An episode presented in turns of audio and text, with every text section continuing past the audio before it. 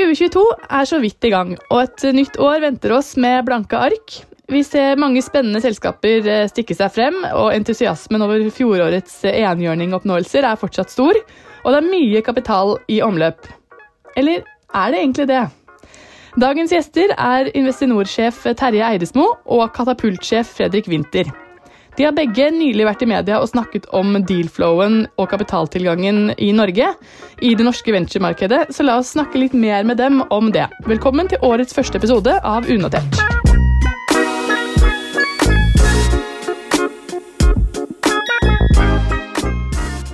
Hei, Terje og Fredrik. Veldig hyggelig å ha dere her. Velkommen til podkasten.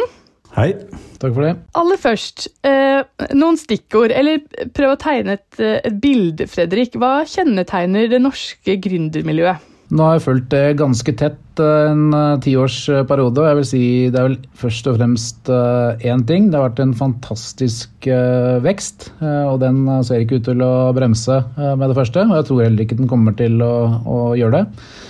Når vi startet å følge med dette Eh, tett i eh, min daværende jobb i Oslo Business Region i 2013-2014, eh, også bygde opp Oslo Innovation Week, så var det mange som lurte egentlig på hva vi drev med. At næringsutvikling kunne være det samme som å bygge økosystem for oppstartsteknologimiljøer. Det er det ikke så mange som gjør lenger, men jeg husker spesielt eh, de første gangene vi hadde Kahoot eh, på scenen. At det på noe som helst vis skulle være et eksempel på fremtidig norsk eh, næringsutvikling. Det, det var fremmed den gangen, og det ble plassert i en litt sånn merkelig, rar kategori.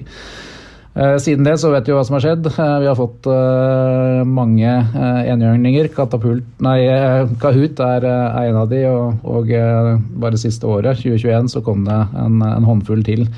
Så jeg tror eh, det er én ting som kjennetegner det norske gründermiljøet. Det er en fantastisk vekst og eh, stadig bedre og mer solide eh, selskaper som springer ut av et, stadig mer komplett økosystem.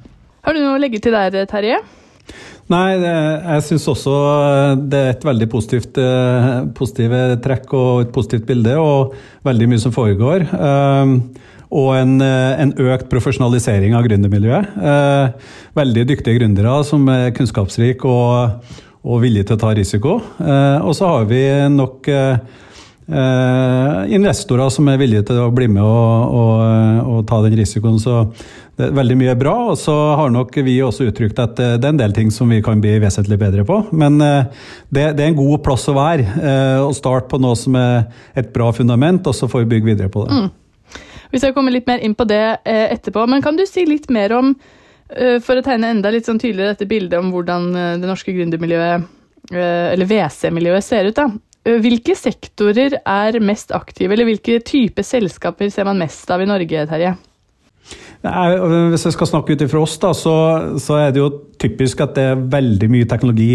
Vi er teknologitung. Egentlig ganske bredt teknologitungt, både software og hardware. Eh, og så har vi jo noen tunge og gode teknologimiljøer, så det er helt naturlig. Eh, og jeg tenker at det, er bra at vi tar utgangspunkt i det der vi er sterke, det der vi utvikles og det er god innovasjon, og så, og så tar vi det videre. Og så ser vi innenfor helse. Eh, litt det samme bildet. Mange gode, sterke miljøer som produserer gode ideer, og som, som faktisk er ganske så solid når de kommer til oss og, og skal ha finansiering. Eh, også hvis du tenker på selve produktutviklinga og den profesjonaliteten de har på, på eh, da, la oss si Sintef, universitetet osv., gjør at det er nøye og godt gjennomtenkt og, og godt sjekka. Så, så det, det, det, der ser vi masse gode selskaper, og det er der vi også har de fleste investeringene våre eh, og, og tatt de siste årene. Da. Mm. Jeg kan jo legge til der eh, for vi har en litt annen eh, vinkling, og eh, som jeg nevnte før vi startet, det er ekstra god stemning på kontoret akkurat nå. Vi fikk denne uken ikke bare én, men to unicorns inn i Katapult akseleratorporteføljen. Og det er klart, når man går inn pre-seed og veldig tidlig fase og på nesten under fire år kan følge de helt fram til uh, en milliard dollars uh, verdsetning, samtidig som det er veldig tydelige impact-selskaper. Så er det også et signal på noe vi fra vår side har, sett lenge. At det er en bevegelse i hele dette feltet. Og hvor det også er rom for norske aktører i forhold til å investere i selskaper som kommer fra andre deler av verden og med andre mekanismer. Og det er kanskje litt underkommunisert at det er ganske mange av den type investeringssetups også. og Det kommer stadig flere. Vi har sett bare de siste månedene så har Summa satt opp et 23 milliarders impact-fond. Verdane på 3 milliarder. Norselab har gjort en pivotering så å si inn mot impact. Og, og, vi har vært der i nå fire, fem, snart seks år. Så jeg har altså tro, at, tro på at hele bærekrafts-impact-bølgen kommer til å ramme også det norske startup-økosystemet mm. veldig tydelig framover. Mm. Ja, så bra. Det ser vi i vår, eh, vår innsikt og vår datainnhenting også. At uh, det blir stadig mer fokus på det, mer fremtredende, hvis man kan kalle det en, en sektor, eller i hvert fall et område, et, et, tema som får mer og mer fokus. Men nå var du litt inne på det, Fredrik. Men dette med det norske markedet, eller norske selskaper, da, fra hvordan de skiller seg fra, fra selskapene i andre deler av verden, eller i hvert fall i resten av Norden.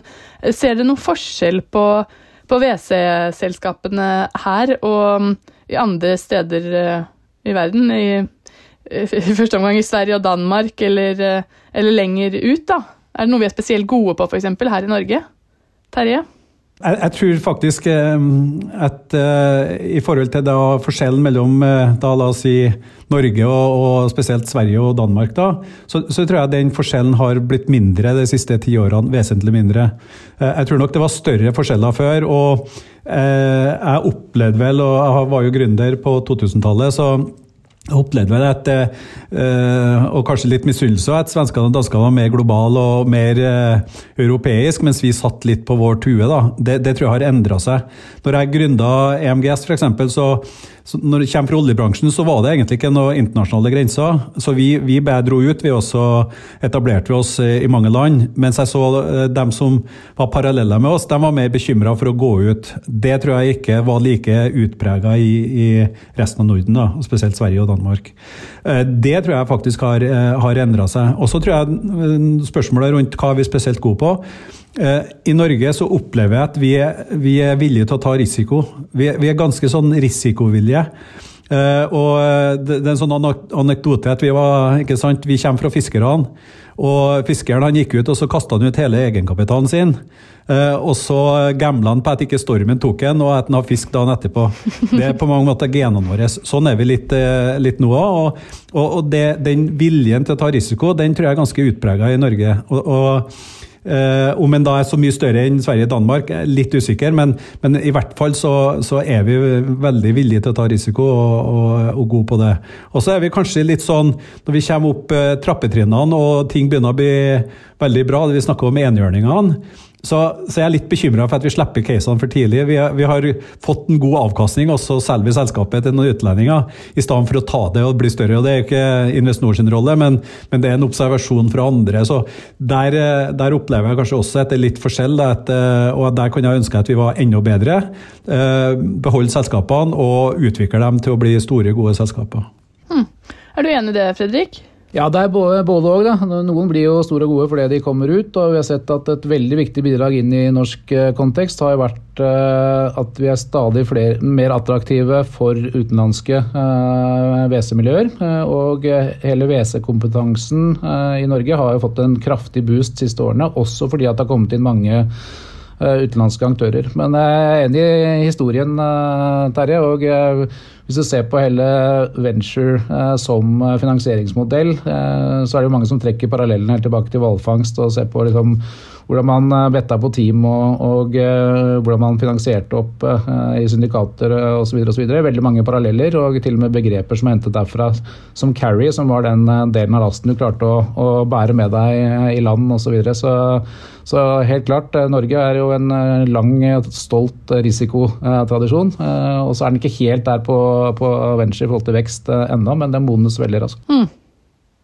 Hvis man skal se litt på mm, på personene her, altså eh, Risikoen er jo fordelt både på investor og, og gründer, det. Men hvis man ser enda litt nærmere på gründer nå sammenligna eh, med for ti år siden eh, Du nevnte det litt i starten, eller innledningsvis, at kvaliteten på selskapene har blitt bedre, eller at miljøet har blitt profesjonalisert. Hvordan er dagens gründere sammenligna med for ti år siden? Eh, vil du fortsette litt på det, mm, Fredrik?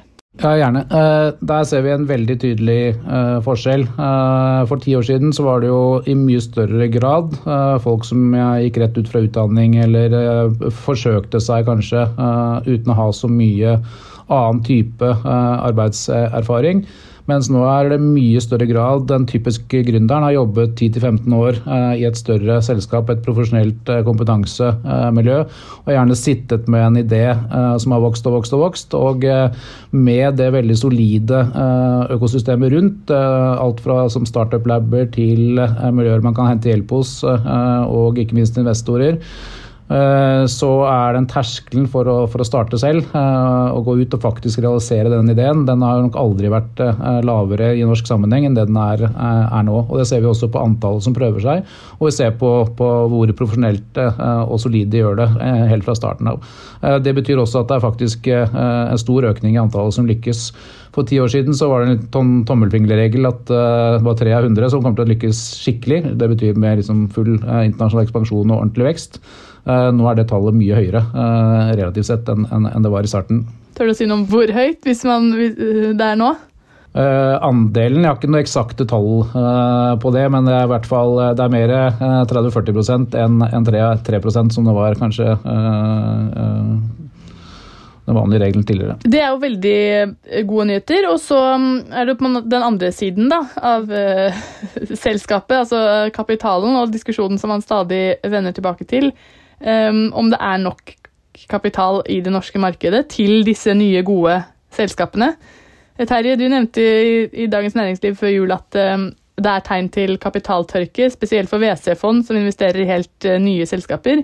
Og Fredrik, du har nylig uttalt i Skifter at uh, gründerne før var i kamp om møter med investorene, mens nå er det investorene som kjemper om de begge, beste selskapene.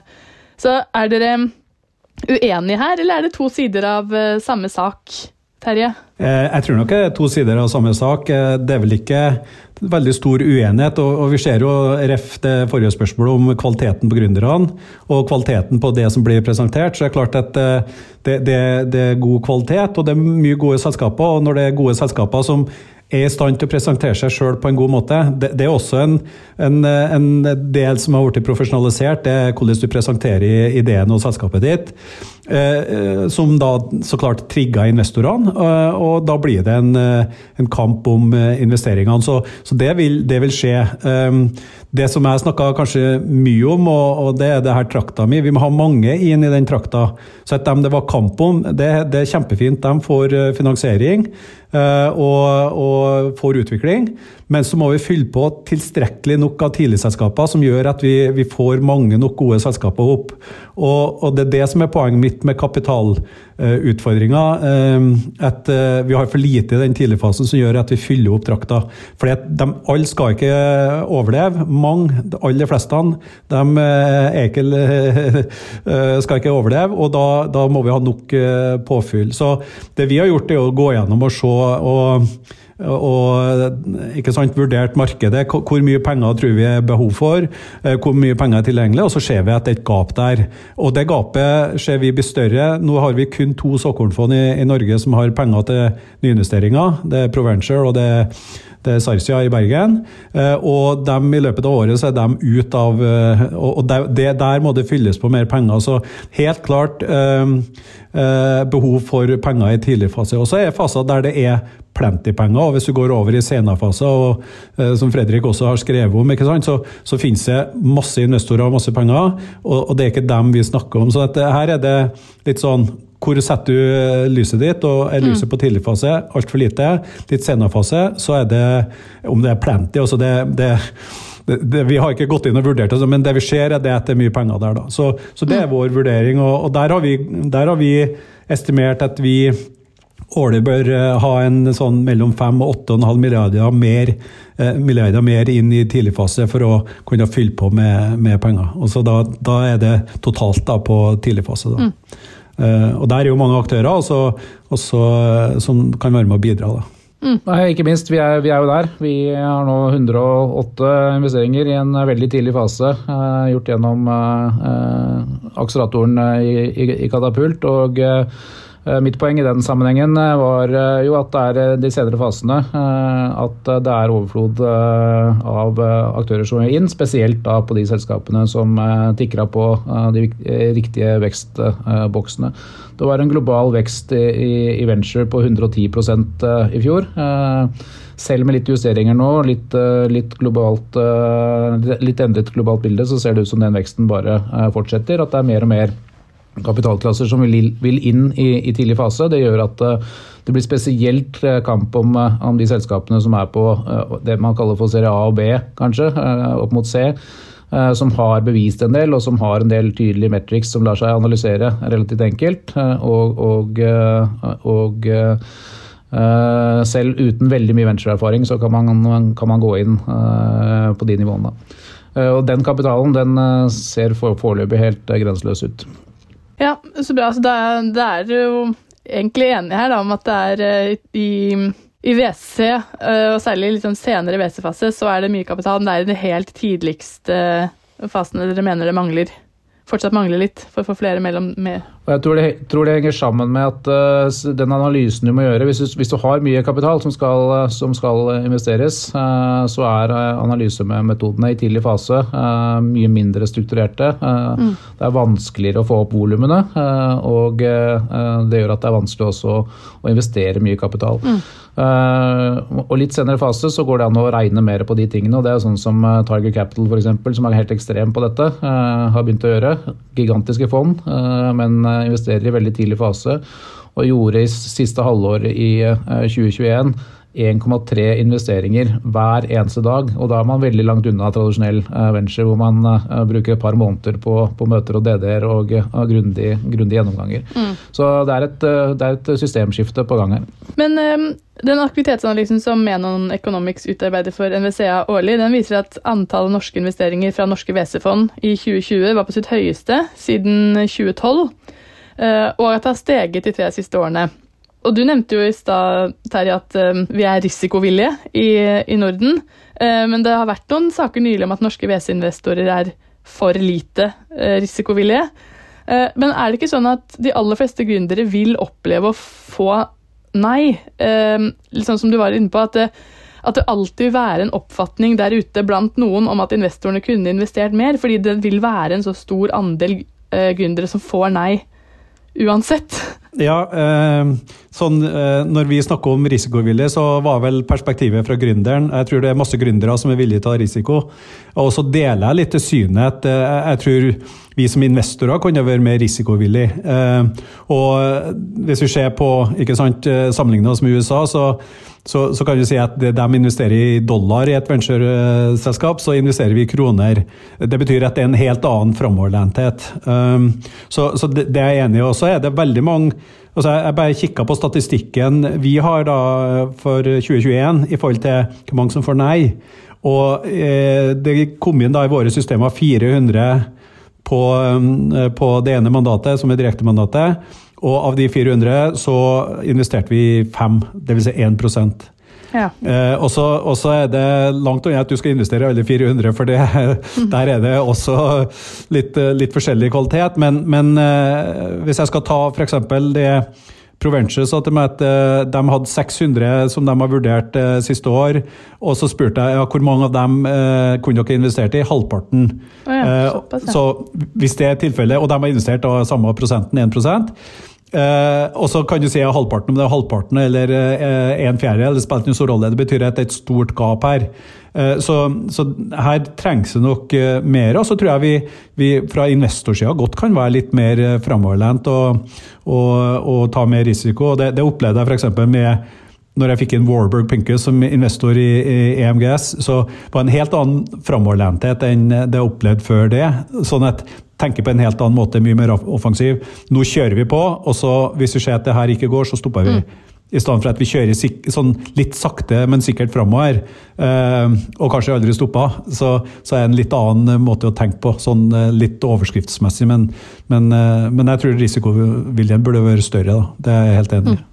Og jeg tror også disse tallene gjenspeiler eh, Det er tosidig dette, selvfølgelig. Eh, selv om man får en dobling eh, av venturekapitalen, hvis det er en firedobling av, av tilbudet på antall selskaper, så er det likevel alltid veldig relativt mange flere som får, får nei. og og vi har også den 1 til 100-ratioen omtrent. I fjor så så screenet vi 2000 selskaper og gjorde uh, ca. 20 uh, investeringer. Og det er klart, da er det veldig mange som får nei. Mm. Men så er det sånn at det, det er mange som skal ha nei òg, ja. det, det, her er jo en fin balansegang. Men, men, jeg tror av de 2000 dere eh, screena, så, så, var det nok flere enn de 20 som vi absolutt burde investert i. Sånn er det. Uh, men, men, hvor langt ut du skal gå da, det, det blir en balanse. Det må du hele tida monitorere. Og så tror jeg det genererer flere gode når du får opp noen gode. Eh, så de lærer av eh, hverandre òg. Mm. Sånn at det, det, det, er litt sånn Vi må bygge miljøet og bygge kompetansen til dem som skal hjelpe selskapene, så vi bygger kompetansen i selskapene.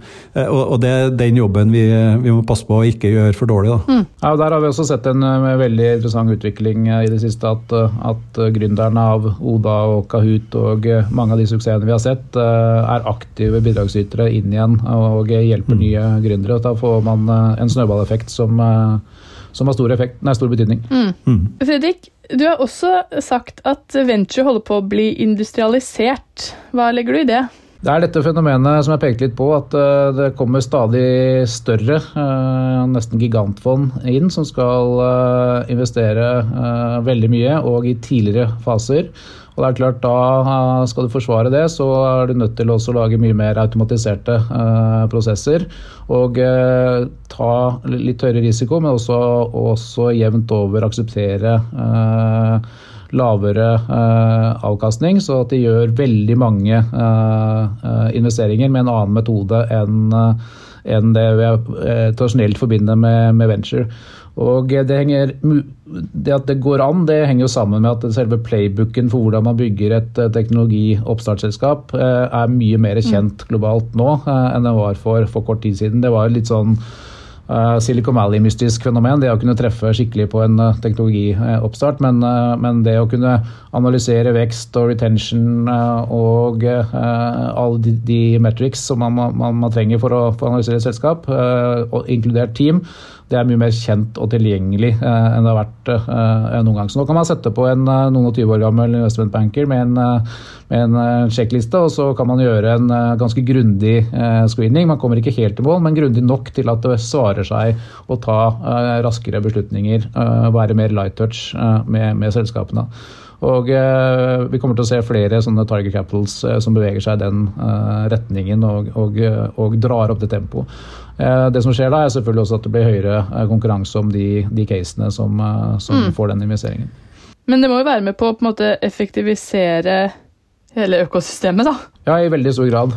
Og uh, dette henger sammen med en litt sånn dypere analyse av hvordan er det uh, nei, innovasjon foregår. Uh, for tiden. Mm. Det er jo sånn at det har aldri vært enklere, billigere og mer tilgjengelig å lage avansert teknologi, teknologiske oppstartsselskaper utenfor store corporate strukturer. Mm. Og det har relativt sett heller aldri vært dyrere å omstille corporate strukturer til å drive innovasjon på, på, på nye områder. Mm. Så det er derfor man har fått alle disse tech, startup, liksom disruptive selskapene Eh, siste tiåret, som nå dominerer uh, uh, verdens børser, og som har vært liksom, de store verdi, verdiskaperne.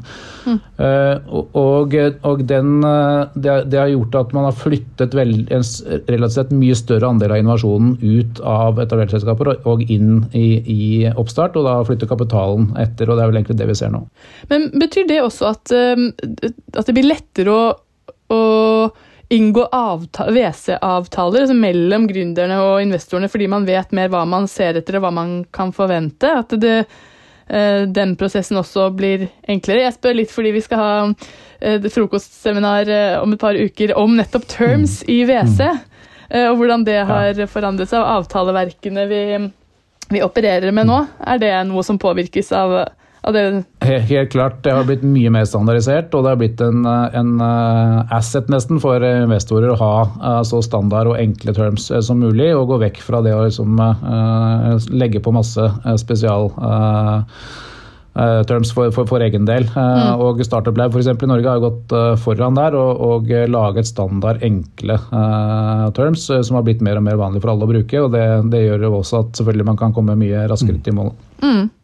Gisle Østing fra Startup Lab skal være med på det panelet. Dere som interesserer for det, får, får få med dere det 15. februar. Um, men um, dette med utenlandske investorer, som vi også har vært litt inn på, det med at de blir mer og mer interessert i, eller utenlandske aktører blir mer og mer interessert i norske selskaper. Vi ser at um, 70% av investert kapital i norske porteføljeselskaper um, kommer fra fond forvaltet utenfor Norge. Hva har det å si for det norske miljøet? At, man, at så mange av de uh, aktørene som er i de norske selskapene, er internasjonale aktører?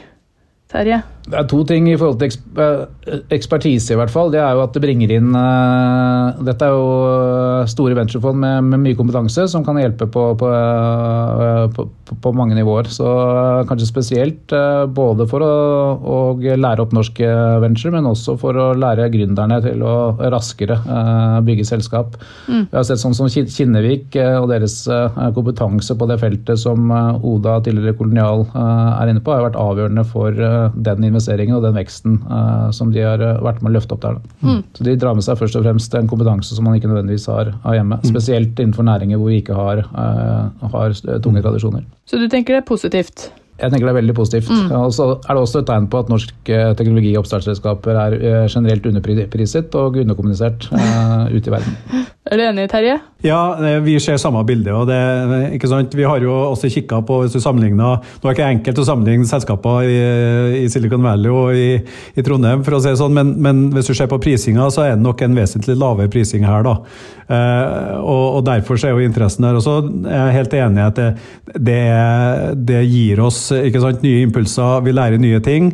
Og ikke minst det som jeg starta å si, at eh, jeg tror det også fører til at du bygger ned grensene i forhold til det globale. Eh, skal du ha et startup, ikke sant? Vi har jo som mål å ha startup som, som kan bli, eh, bli vinnere globalt. ikke sant? Og, og skal du gjøre det, så, så, må du også forstå eh, businessverden utenfor Norge, og ikke bare innenfor Norge.